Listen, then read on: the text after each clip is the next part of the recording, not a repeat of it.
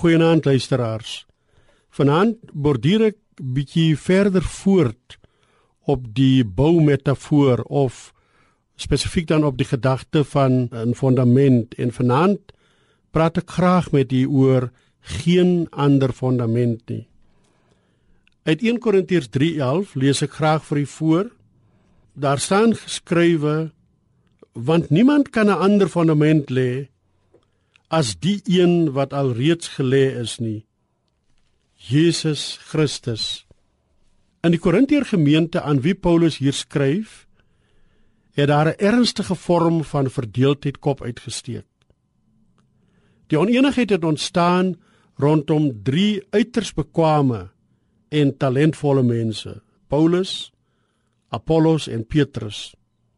En dalk was die drie self heeltemal onskuldig, maar gemeentelede het begin om van hulle helde te maak tot die mate dat hulle verkeerdelik begin dink het dat die gemeente staan of val by die drie.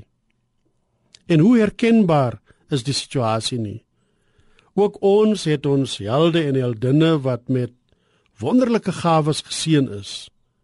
Ons het hulle in die kerk, in die sport en veral ook in die politiek.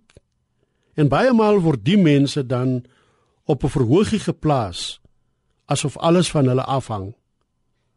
Dis al vreemd, maar die groot kwessie wat die Korintiërs blykbaar nie verstaan het nie, is dat daar geen ander fondament as Jesus Christus is nie. En om die soort fondament te wees, het niks met pragt en praal te maak nie, maar met die aflegging of of moet dit wees met die neerlegging van die eie lewe. Baie kerkgeboue is in die vorm van die kruis opgerig en dis baie goeie simboliek van die fondament van die kerk is die kruis van Jesus Christus en die lewe van die kerk is die opstanding van die Here Jesus Christus uit die dood. Kom ons bou op hierdie fondament wat vir tyd en vir ewigheid daar staan. Die woord sê immers Jesus Christus is gister en vandag en tot in ewigheid dieselfde. Here Jesus, dankie dat U U eie lewe uit liefde vir ons neergelê het. Nou weet ons dat daar buiten U geen ander fondament is nie. Amen.